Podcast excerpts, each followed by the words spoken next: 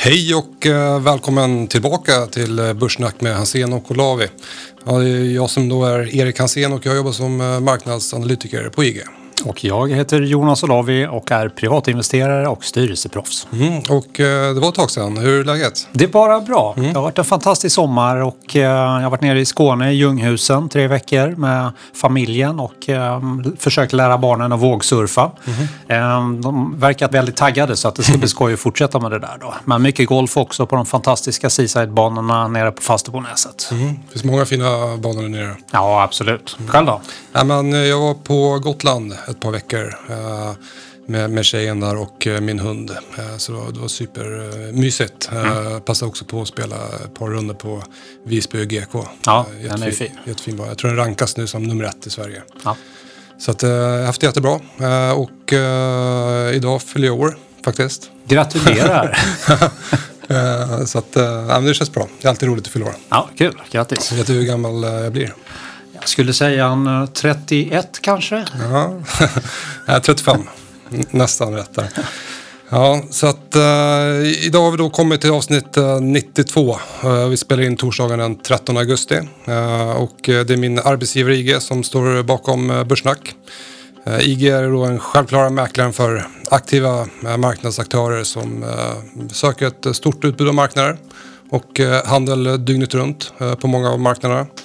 Eh, Vi har också en väldigt eh, kraftfull app eh, till mobil och surfplatta eh, som jag varmt kan rekommendera att ladda ner. Så gå in gärna på ig.com och öppna konto om du inte redan har ett. Jag kan lägga till en länk i poddbeskrivningen.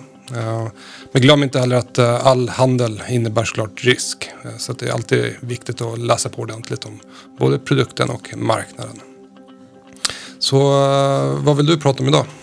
Ja, vi kan väl ta lite grann kring rapportperioden som vi har bakom oss nu. Ehm, lite grann hur ser eh, vinst och försäljningsförhållanden ut? Eh, finns det hopp om livet? Hur ser BNP-prognoserna ut för den delen?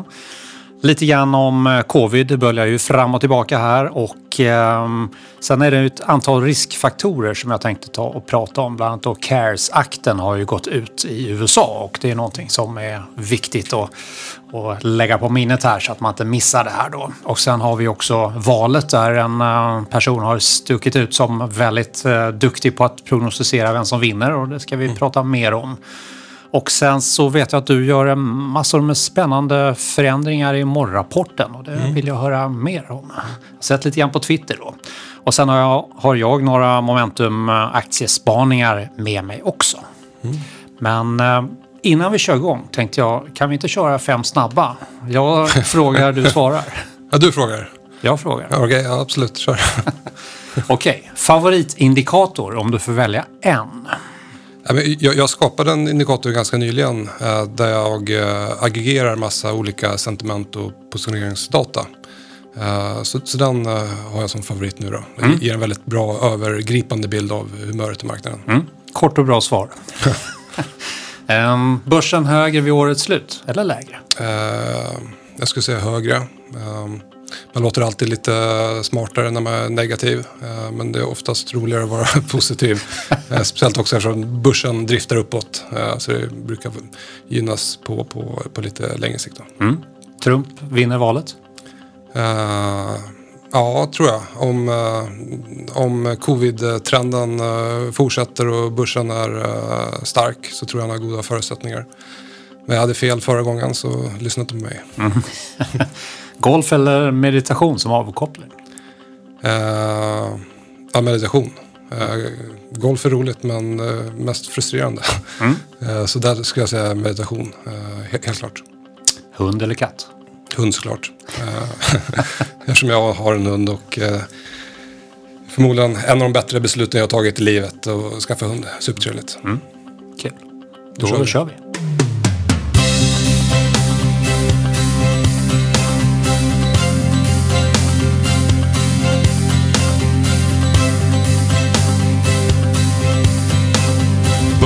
Börssnack med Hansen och Olavi. Ja, det globala aktiemarknaden fortsätter att trenda uppåt. Eh, Jag noterar att eh, breda börsen i USA, S&P 500, är uppe och nosar på tidigare rekordnivåer. Jag kommer ihåg att du där innan eh, midsommar eh, spekulerade i att eh, börsen skulle upp över nollstrecket. Eh, vi var inte riktigt över nollan där, men nästan. Ja, absolut. Ja, det ser ut som att du är fortsatt uh, positiv till, till aktiemarknaden, eller? Ja, men det är jag. Och det beror ju på centralbankernas enorma stöd som mm. kommer att uh, leverera högre fart i ekonomin så småningom. Mm. Och vi ser redan tentativa tecken på V-formationer både här och där. Då. Och börsen helt klart så. Och det är också rimligt att förvänta sig att den ymniga penningmängden som nu finns i ekonomin kommer vara väldigt gynnsamt för bolagen framåt här. Och eh, generellt sett så rapportperioden tycker jag har varit övertygande. Det har varit jättesvårt för analytikerna att, att komma rätt här och de flesta har ju blivit omsprungna av bolagen som kunnat uppvisa bättre än befarat resultat då, och även försäljning. Även om totalt sett så har ju försäljningen och eh, vinsterna sjunkit ganska rejält här under andra kvartalet när det har varit mycket nedstängningar. Men det har varit väldigt svårt för analytikerna att och naila de här eh, nivåerna som bolagen eh, förväntas komma med. Och många har ju överträffat på uppsidan istället. Och jag tror mm. att det är ett av de starkaste överträffningstillfällena i amerikansk eh, statistik. Ja. Jag, jag noterar där att även om eh, en klar majoritet av bolagen har överträffat förväntningarna jag brukar kolla på eh, rapportreaktionerna, hur aktien reagerar på, på rapporterna mm. på rapportdagen kan man se där, det är ungefär 50% som har stigit och 50% som har fallit på, mm. på rapportdagen. Mm. Så den siffran är inte jättestark. Nej. Däremot så har eh, de positiva eh, rapportreaktionerna eh, överstigit de, de negativa. Mm. Men jag tycker ändå att det visar ändå att eh, marknaden har tagit ut ganska mycket i, i förskott. Så är det absolut. Och jag tycker det har varit svårhandlat. Och ibland har man alla S på mm. handen och eh, andra gånger så får man svartepetter. Mm. Så att det har varit en svårhandlad marknad eh, om man då ska betta på rapporterna. Mm. Men det är den här sektorrotationen som kommer lite, som håller bullmarknaden i liv. Ja. Uh, just att det är olika bolag som drar uh, marknaden uppåt hela tiden. När det är någon sektor som tar en paus, då är det en annan sektor som tar över och mm. ger stöd till marknaden som mm. helhet. Sen har det ju varit väldigt tydligt i USA där eh, de eh, fem största eh, internet eller IT-bolagen har drivit marknaden uppåt till nivåer som sällan skådats och mm. flera av bolagen är uppe på all time high. Och, och det visar också att de här få bolagen som driver index, rensar man bort dem så ser det inte alls lika bra ut för den amerikanska börsen. Mm. Och det är någonting som man ska tänka på också när man tittar på S&P. Det är lite tunt i uppgången där. Mm. Å andra sidan på goda grunder därför de här är ju dominanter och det har vi också sett en del eh, politiker intresserar sig för, inte bara i Europa där man tycker att de har en eh, lite väl stor fördel. Men nu, i USA har man ju ställt frågan till de här stora jättarna om de har och utnyttjar sin konkurrensfördel då på grund av sin storlek. Då. Mm. Och eh, optimismen på aktiemarknaden också gett stöd till bostadsmarknaden. Mm. Jag såg att SCB som har den här boprisindikatorn, enkätundersökning, den har verkligen återhämtat sig. Mm. Eh, visar en sån här V-formad återhämtning i, i den kurvan. Ja. Eh, och indikerar att eh, bostadspriserna i årstakt stiger mellan 5-10 procent. Mm. Så att jag ska faktiskt ut med min lägenhet på, på Hemnet här om en vecka och mm. känna pulsen på bostadsmarknaden. Mm. mm. Får se om jag säljer den eller om, om jag behåller den då. Men, det är ju bra att nämna den i podden också så får du en lite större spridning då. På. Exakt, jag skickar med länken sen i poddbeskrivningen. Men tittar vi på eh, vinstestimaten då, så um, om vi tittar på försäljningen så bedöms mm. just nu um, försäljningen minska med ungefär 9% i år då, jämfört med förra året. Då. Mm. Nästa år så pekar ju vinsterna eller förlåt, försäljningen på en ökningstakt på 7 mm. Och då um, kommer vi ligga nästan i paritet med 2019. Däremot om vi tittar på vinsterna, där i år så i skrivande stund eller talande mm. stund så eh, kommer vinsterna falla med ungefär 20 procent jämfört med förra året, men stiga med 32 procent och då mm. komma förbi 2019 års topp. Så att i så mått mätt så behöver man inte vara så jätteorolig för börsen och det pekar ju också om allt går som det ska. Eh, Ceteris paribus eh, så ser det ju ut som det blir en V-formad återhämtning i eh, ekonomin då. Mm. Nå någonting som exploderade ordentligt i, i våras det var ju Feds balansräkning. Mm. Eh, den har ju börjat tappa lite fart nu och börjar vända neråt. Eh, får, får se här när ekonomierna återhämtar sig, eh, jag tror inte vi är där än, men då kommer ju centralbankerna sen börja strama åt. Mm. Eh, och det skulle såklart slå negativt på, på aktiemarknaden. Ja, absolut. Och tittar man på BNP-prognoserna så blir det ju även där då tal om minussiffror då i år. Men om man tittar på 2021 och framåt då så ser det betydligt bättre ut. Och tittar man på svensk BNP så eh, ligger snittet nästa år på en BNP-tillväxt på 3,5 jämfört med ett fall på 5,5 i år. Och den derivatan är ju enorm i förändring då. Och även då arbetslösheten ser ut att så här mojna lite grann eh, på marginalen i alla fall. Vi får hoppas att eh, man kan reparera många av de här företagen som just nu eh, lider hårt av turistnäring och annat. Ehm, Och vi kommer ju successivt framåt här med olika kandidater till virus mot covid-19 då. Så eh, förhoppningsvis så mm, har vi någonting som fungerar kanske bortåt årsskiftet. Då. Jag såg att ryssarna var ju redan ute och hade eh, sagt, eller säger att de har en kandidat som de har registrerat. Då. Får vi se hur pass många som använder den. Och jag såg också en analys eh, på amerikansk mark att det var väldigt få amerikaner som vill använda det här viruset. Dels finns det sådana som är alltid skeptiska mot, mot eh, eller förlåt, vaccinet. Förlåt. Ehm, som är skeptiska mot vaccinet och eh, de flesta vill att den här säkerhetsprövningen ska ehm, liksom fortfölja så att man förstår att det inte är något gift man stoppar i sig då. Så att det kan vara så att det kommer ta ganska lång tid innan man har uppnått den här immuniteten som man då vill uppnå med vaccinet. Då. Det, det såg vi ju eh, senaste influensan där. eh, SARS. SARS ja. Eh, Där var många barn som fick problem. Ja, precis. eh, av Narkolepsi. ja. Narkolepsi, ja. Och det är ju klart, det kommer folk ihåg såklart. så att ett eh, framstressat vaccin är det nog få som ehm, vill testa. Eh, Men man får väl se, det kanske är det enda sättet att resa till en del länder och visa att man är vaccinerad då. Eller har antikroppar. Jag, jag tog med mig lite, eh, lite positiva och negativa argument till, till aktiemarknaden. Eh, Vill du att jag tar dem nu eller? Kör! köra. Ja, om vi börjar med de, med de positiva argumenten som jag har med mig här och då, då tänker jag tre till sex månader, kanske 12 månader. Eh, Med, medellång sikt.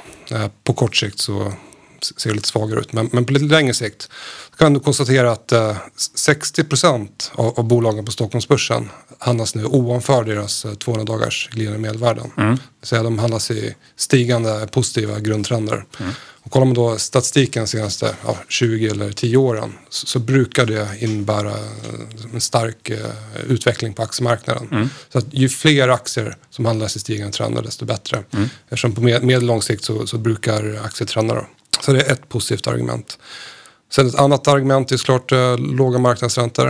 Eh, de här långa räntorna har återhämtat sig lite grann senaste veckan men är fortsatt väldigt låga nivåer. Det, det är svårt för eh, allo- allokerare, stora aktörer att eh, inte vara eh, allokerade i aktier i, i sånt här eh, läge. Då. Det är ju snarare komponenten med räntor som gör det så svårt. Det är inte aktiebenet som är det svåra utan det är ju att du inte har någon riskfri tillgång som är värd eh, namnet. Riskfritt när man håller på att pumpa ut ännu fler pengar kan man ju också diskutera om det verkligen är så. Så eh, mm, absolut är det så att det är otroligt svårt att eh, bygga portföljer i dagsläget. Då. Sen har jag den här indikatorn på sentiment och positionering i marknaden. Den har kommit upp på, på ganska höga nivåer. Men den är inte alls på oroväckande höga nivåer som skulle indikera en- svagare utveckling. Då. Så att humöret eller eh, sentimentet i marknaden kan bli, bli tydligt eh, mycket mer optimistiskt då, eh, i- innan eh, jag skulle dra öronen åt mig. Eh, sen om vi kollar på, på utvecklingen på andra marknader som brukar vara ledande eller, eller marknader som jag i alla fall vill bekräfta eh, optimismen på, på marknaden. Eh, så kan vi konstatera att halvledarbolag i Asien och USA eh, trendar starkt uppåt. Ja, inget, inget tecken på, på någon vändning. Eh, cykliska transportindex i USA trendar uppåt. Eh, FANG plus-index, fortsatt stigande trend. Inga större säljsignaler där.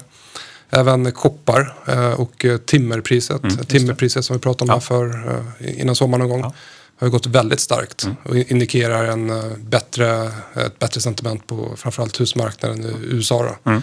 Eh, så de här marknaderna fortsätter att liksom signalera eh, positiva in, inslag, då, mm. vilket är positivt för aktiemarknaden. Mm. Det låter som betryggande. men ja. hoten då? Ja, men de negativa argumenten. Jag kollade lite grann på någonting som heter vinstrevideringsratio. Det vill säga skillnad mellan upprevideringar och nedrevideringar. Och då har vi sett att den här ration, då kollar jag i Sverige, den är uppe på den högsta nivån sedan maj 2017. Så att det är väldigt många analytiker nu som har justerat upp sina estimat eh, väldigt kraftigt eh, efter rapporterna som har kommit in. De har varit för negativa helt enkelt. De har varit, och så måste de justera upp dem. Exakt. De låg väldigt lågt och sen nu måste de revidera uppåt. Eh, när bolagen eh, ändå kom in med, inte starka siffror, men betydligt mycket bättre än vad analytikerna förväntade sig. Mm. Eh, och när vi har sett tidigare, om man då kollar tillbaka ja, 10-20 år, då brukar eh, börsens utveckling se lite svagare ut när vi har fått de här stora uppställen i eh, reviderings, revideringarna. Och det här är ganska logiskt också om man tänker på att analytikerna de behöver lite datapunkter för att revidera uppåt och aktiemarknaden som är framåtblickande brukar ofta ta ut det här i, i förskott. Mm. Så det här är någonting som, som jag ändå tolkar som, som negativt. Mm. Frågan är om det har varit likadant utseendemässigt och varningssignalsmässigt mm. när det har varit en sån snabb rekyl ner som det var i mars-april då. Mm. Um, som gjorde att analytikerna blev tagna på sängen, hade svårt att sätta rätt estimat i och med att bolagen inte gav någon information överhuvudtaget. Och sen så kommer rapporten så är de bättre än befarat och då får de justera upp lite ja. grann. Så att, frågan är om det ger samma förklaringsvariabel Engångs, nu än tidigare. Kanske. Ja, men lite så. Ja. Och när jag tittar på min momentummodell så var den ju värdelös i um, april. Mm. Allting såg ju helt utbombat ut och den själva momentum på vinsten och revideringar, det funkar ju inte alls. Mm. Den funkar ju egentligen inte nu heller, därför nu maxar ju alla bolag uh, med upprevideringar. Mm. Så att det får ta lite tid innan en sån där modell uh, fungerar. Då får man ju titta mer på det tekniska benet. Mm. Ja, det tekniska benet gillar jag att kolla på. Mm. Eh, kolla på säsongsmönstret, augusti-september. Hur brukar de månaderna vara? Sämst. Mm, sämst. Eh, oktober brukar vara lite starkare men väldigt eh, volatil med tanke mm. på att det är några större nedgångar som skett under oktober. Ja, absolut. Eh, så att vi är inne i en lite säsongsmässigt eh, svag period på året då, eh, mm. kan man konstatera. Mm. Uh, och sen en annan uh, punkt där som jag var inne på lite grann tidigare, det är just Feds balansräkning som kraftigt uh, exploderade när de kom med deras stimulanser som saknar motstycke. och nu har den kurvan börjat vända neråt lite grann. Mm. och är det så att ekonomierna tar fart, då kommer inte centralbankerna ha samma incitament att ge börsen den här positiva signaler längre och balansräkningen kommer ju såklart minska. Och det har vi sett förut. När Feds balansräkning minskar så brukar börsen gå lite svagare. Just det. Eh, sen eh, någonting som jag tänkte på är just det här med vaccinet. Eh, jag tror inte man ska gå och hoppas på att börsen ska stiga om eh, ett vaccin kommer.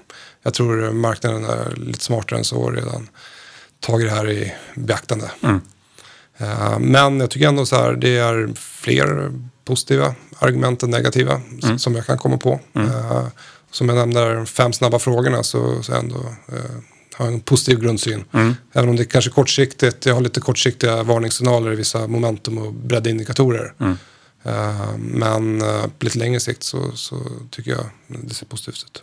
En sak som man kan fundera på i det korta perspektivet mm. som en riskfaktor det är ju att den här CARES-akten har gått ut, det vill säga det här stödet som alla amerikaner fick då. Um, och uh, den var väl på 800 dollar per mm. person och, och vecka någonting i den stilen då. Ehm, nu håller man ju på att diskutera tillföra mer stöd till ekonomin men man kommer inte överens då mellan Demokraterna och Republikanerna. Och eh, man är ju överens om att det behövs mer stöd, man är inte, man är inte överens om nivåerna. Så då gick Trump ut och eh, la ett par exekutiva orders som ger amerikanerna en 400 dollar, någonting i den stilen. Och så vill han att eh, staterna ska hjälpa till att finansiera upp så att det, blir, eh, så att det matchar då. Men det har de inte råd med. Så här måste man ju komma överens på, mm, här, i huset hur man ska göra med det här stödet. Och frågan är ju längre tid det tar desto mer överhängande är att börsen kommer att reagera surt för att trycka till politikerna i rätt riktning då, det vill säga få dem att fatta beslutet att tillföra stöd. Då. Mm.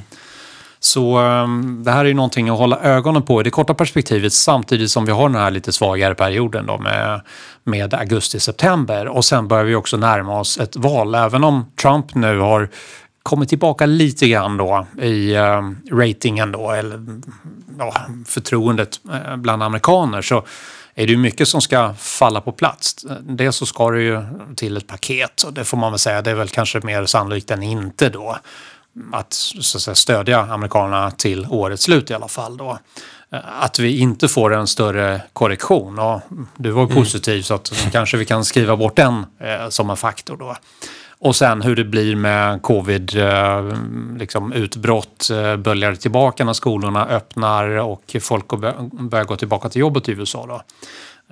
Det återstår att se då. Det är lite för tidigt att säga någonting om och vi har sett lite backlashes i Europa och ja, på, på många håll globalt sett och även USA har haft väldigt svårt att trycka ner den här R-kurvan då som är viktigt att, att göra då. Um, så det finns ett antal faktorer som måste falla på plats för att han ska komma över den här pucken där det pekar mot att eh, Biden just nu har ett ganska stort övertag. Då.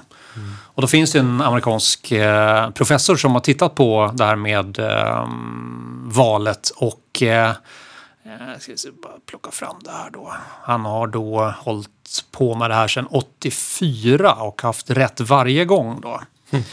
Så ehm, det står ju emot din tro här nu då att eh, det kanske är, är Trump ändå som vinner då. Han heter Alan Lichtman och det var ett reportage om honom i Dagens Industri här. Där han gick igenom lite faktorerna för ehm, vad han bedömde som viktiga. Och eh, det är ju alltid ett missnöje som byter president. Så att är det för många faktorer nu under hösten som inte vänder till Trumps fördel ja, då kan man väl skriva under på att det är förmodligen Biden då, som ju gjorde ett bra val här nu eh, till vicepresidentsposten i Kamala Harris då, som eh, är väl aktad i de politiska leden då. Och om, om det blir så, eh, hur tror du marknaden kommer att eh, reagera på det? Jag tror egentligen att marknaden kommer att reagera på det valresultatet. För just nu så är det här någonting som alla kan läsa på. Alla har ju eh, hört den här professorn och liksom har det eh, i spelboken. Då. Det som man är rädd för det är ju att eh, Demokraterna kommer höja skatterna. Då. Och um, det kommer de säkert göra då också. För då kommer men, de ju ha men, alla posterna så att men, säga. Men om, om marknaden förväntar sig att han kommer vinna, borde inte marknaden vara lite mer svag? Ja, alltså, eller så bryr sig inte marknaden. Marknaden är smartare än så. Att det blir inte så stora förändringar. Och om man ska rösta igenom skattehöjningar så måste man ju tänka på att Biden har ju nu att hantera ett USA i recession. Mm tillsammans med Fed-chefen. Och de två i symbios måste ju fortsätta med den läkningsprocessen så det här är ingenting som man snabbt gör. Och sen ska det här gå igenom båda kamrarna och då blir det ju skattehöjningar för 2022. Så att det här är ju någonting som marknaden mm. tänker, ja men det ligger där borta då. All right, ja.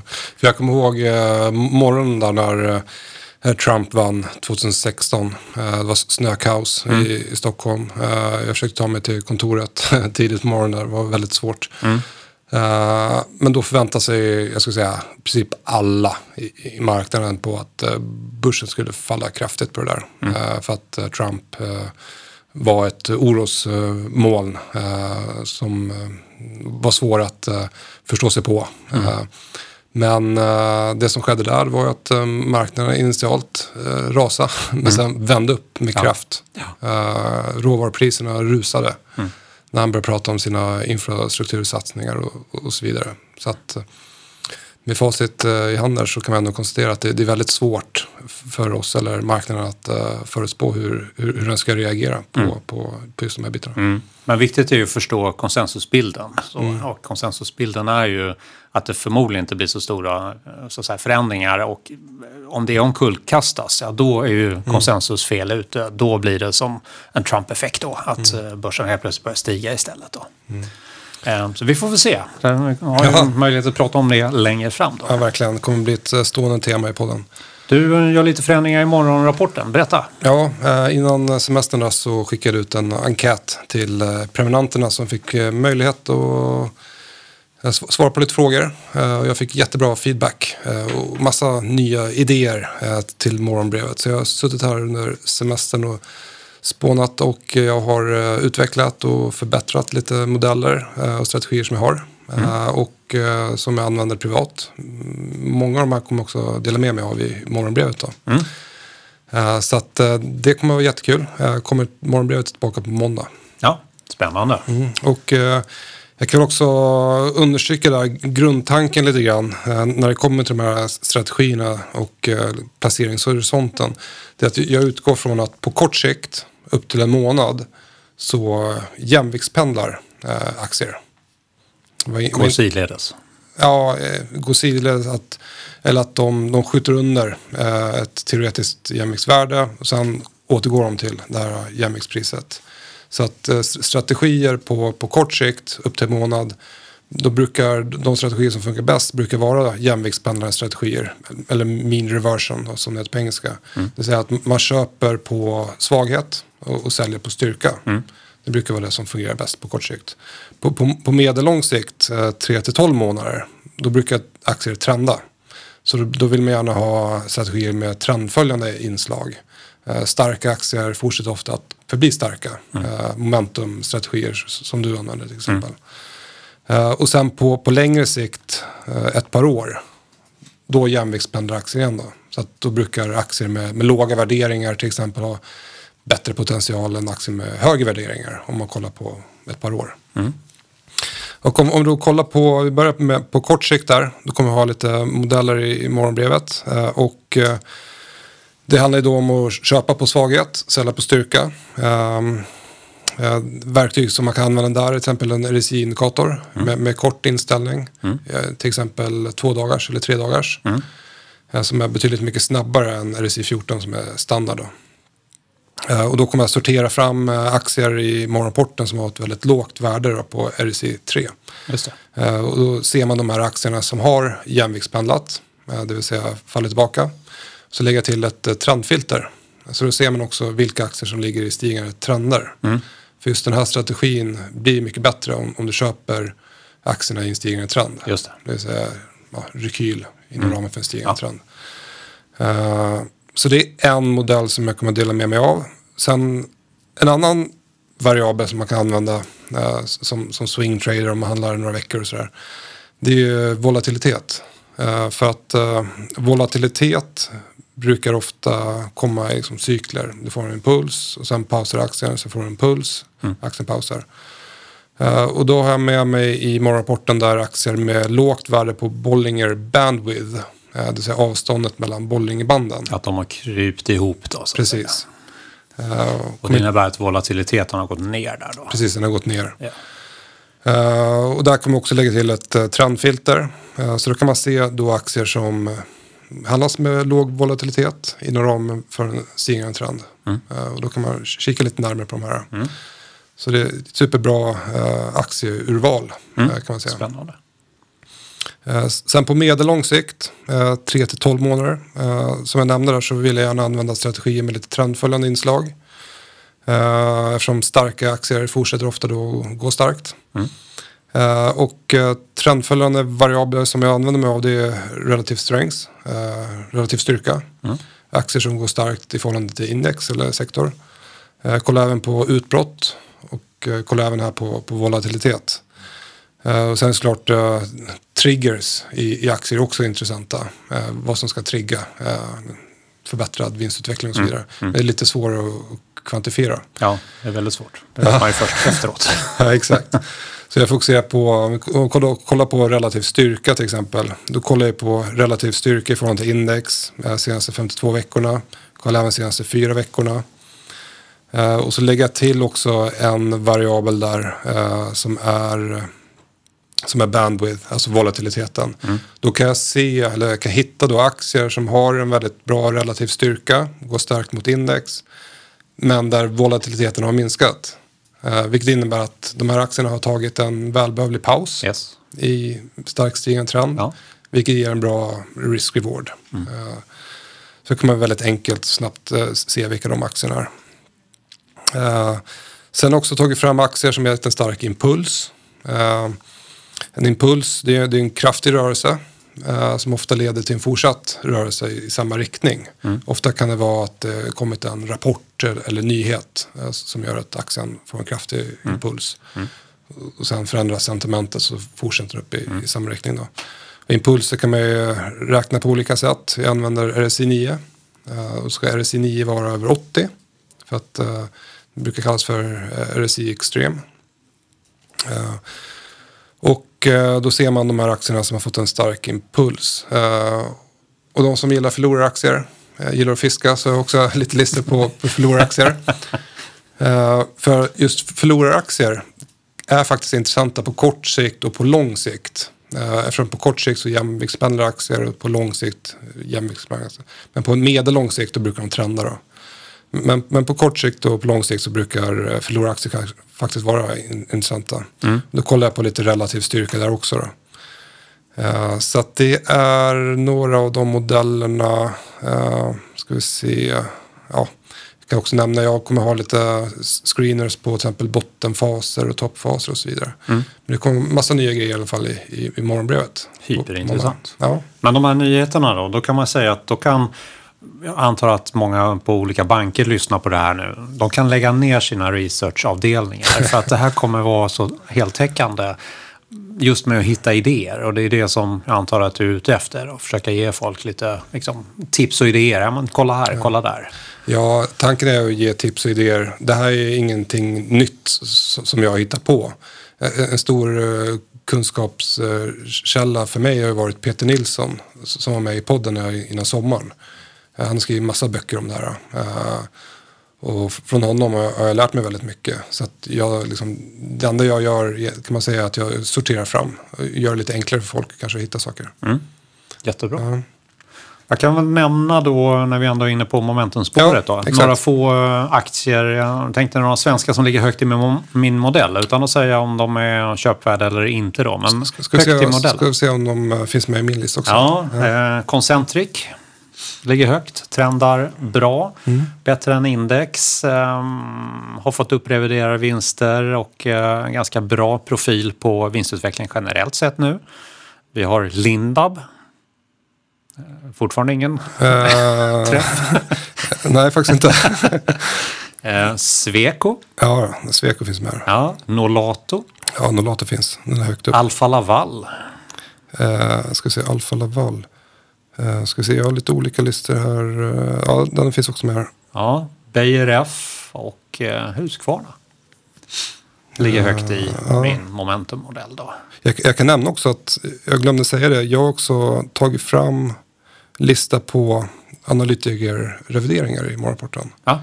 Så jag kommer visa de aktierna som har starkast momentum i analytikerrevideringar. Mm. Där analytikerna verkligen har justerat upp och mm. blivit mer positiva. Mm. För det är också intressant. Det är ju precis vad som finns i min modell. Jag tar några amerikanska då, bara så avrunda då. Eh, högt i den amerikanska modellen ligger United Rentals. Mm. Um, uthyrning av utrustning då. Cummins som gör uh, dieselmotorer bland annat. Um, Commercia. Comerica, mm. förlåt. Comerica som är bankrelaterad verksamhet har uh, banker och finansinstitut i uh, USA och Mexiko bland annat. Uh, eh, Dr. Horton som är husbyggare. Mm. Den, den, ligger faktiskt högt upp hos mig också. Ja. Och uh, Abiomed som är ett medtech uh, jobbar inom uh, hjärt och kärlsjukdomar. Mm. För Dr. Horton då, den är väldigt högt rankad på, på vinst. Den har låg värdering och starkt momentum där i priset. Just det. Så det var några som ligger högt i modellen där eh, som jag tänkte nämna. Sen eh, kan jag också nämna att eh, nu under sommaren så eh, investerar jag i mig själv då och så gick jag en kurs med eh, det. BCA Research. Och det var deras allokeringschef kan man säga. Eh, som hade en kurs där man gick eh, två dagar i eh, veckan då. Över hela sommaren här då. Och en sån här liten rolig konklusion när man tittar på hur kan man addera värde ytterligare ett steg. Och det är att titta på olika faktorer. Gissa vilken faktor som man gillade bäst. Eh, jag vet inte. Momentum. ja, men såklart. Vilket jag då använde i min förvaltning eh, som bland annat då gjorde Novofonden till den bästa blandfonden förra året. Och jag har sett att eh, tydligen så har nya förvaltaren fortsatt i samma riktning för att den toppar Kul. jämförelserankingen och är plus i år då, vilket jag tycker är starkt. Och även min gamla Momentum-aktieportfölj som jag har legat orörd sedan februari 2019. Den ligger på topplacering i år om den hade levt. Ehm, pekar ju också på att eh, urvalet var ganska bra. Även om jag hade rensat ut en hel del. När jag tittar på portföljen idag så ligger den plus en eh, 8-9 procent i år. Tittar du på utvecklingen som eh, fonden var då tidigare? Eller? Exakt. Okej. Och så lika viktad. Så alla aktier fick lika mycket vikt och sen så okej, vad hade det blivit för avkastning då? För det, kän- det känns som att du borde haft, när, tidigare när fonden var, kan tänka mig att den har mycket fastighetsaktier. Ja, det var en del fastighetsaktier. För de har inte gått, de, de borde ha sålt om du har haft fonden kvar. Precis, och det var också banker då som eh, havererade efter att jag hade fusionerat in eh, fonden i en annan fond och jag avslutade förvaltningen. De hade ju också klippt i och med att det var ju bankras och eh, de har ju inte riktigt hämtat sig än då. Så att jag hade gjort mycket förändringar där, men om man tittar på portföljen som den mm, stod då så hade det varit den bästa Nordenfonden under 2019 och som sagt ligger bra till i rankingen i år. Så det pekar ju ändå på att det här med momentum, det är någonting man ska jobba med. Det, det funkar ju såklart. Eh, Det finns många anomalier i marknaden och momentum är en sådan. Absolut. Du, ska vi inte ta och sammanfatta den här Ja, genomgången? det tycker jag vi gör. Eh, vad tar du med dig? Att eh, du har fler positiva än negativa argument. Jag tyckte du hade radat upp dem pedagogiskt och bra. Jag tycker ändå det är svårt så här på kort sikt för jag vet att eh, jag ökar min eh, kassa här lite grann innan sommaren, eh, vilket jag brukar göra. Eh, Nu tycker jag som alltid känns svårt att gå in i marknader som tränar starkt. Eh, Så att man vill gärna ha den här rekylen men det är inte säkert att den kommer. Så Nej, man precis. får kompromissa. Och rekylen skulle kunna vara till exempel att eh, det drar ut på tiden att eh, Demokraterna och Republikanerna kommer överens om att stödja de amerikanska hushållen. Ju längre tid det tar desto surare kan eh, den här reaktionen bli då. Och då kan du komma in i marknaden. Så det blir väl bra. Och sen hade du massor med intressanta eh, nya grejer i morgonrapporten som gör att alla ska läsa rapporten på måndag när den kommer igen. Ja, precis. Det är lite listor på aktieurval eh, baserat på olika anomalier i marknaden som momentum och eh, jämviktspendling och volatilitet. Eh, Även analytikerrevideringar eh, som är intressant att, att kolla på. Då. Så där, där kommer finnas i morgonbrevet. Får man inte det på mejlen så kan jag lägga till en länk i poddbeskrivningen. Mm. Men man ska ju in och anmäla sig så att man får det på mejl. Ja, exakt. Men jag lägger med en länk så att man kan signa upp. Toppen. Ja, med de orden tycker jag vi rundar av. Aktierna vi nämner här är ju inga rekommendationer, det är observationer. Eh, Vi kommer tillbaka med fler gäster. Jag la ut en trevare på, eh, på Twitter och vi fick ett enormt gensvar så att det blir, eh, vi är otroligt tacksamma till alla våra följare på Twitter och eh, vi tar tag i de här förslagen som har kommit och ser om de har möjlighet att eh, vara med i podden här framöver. Ja, så har ni förslag på gäster, tveka inte att uh, höra av er till oss. Absolut. Så de, med de orden, tack för oss. Tack för det.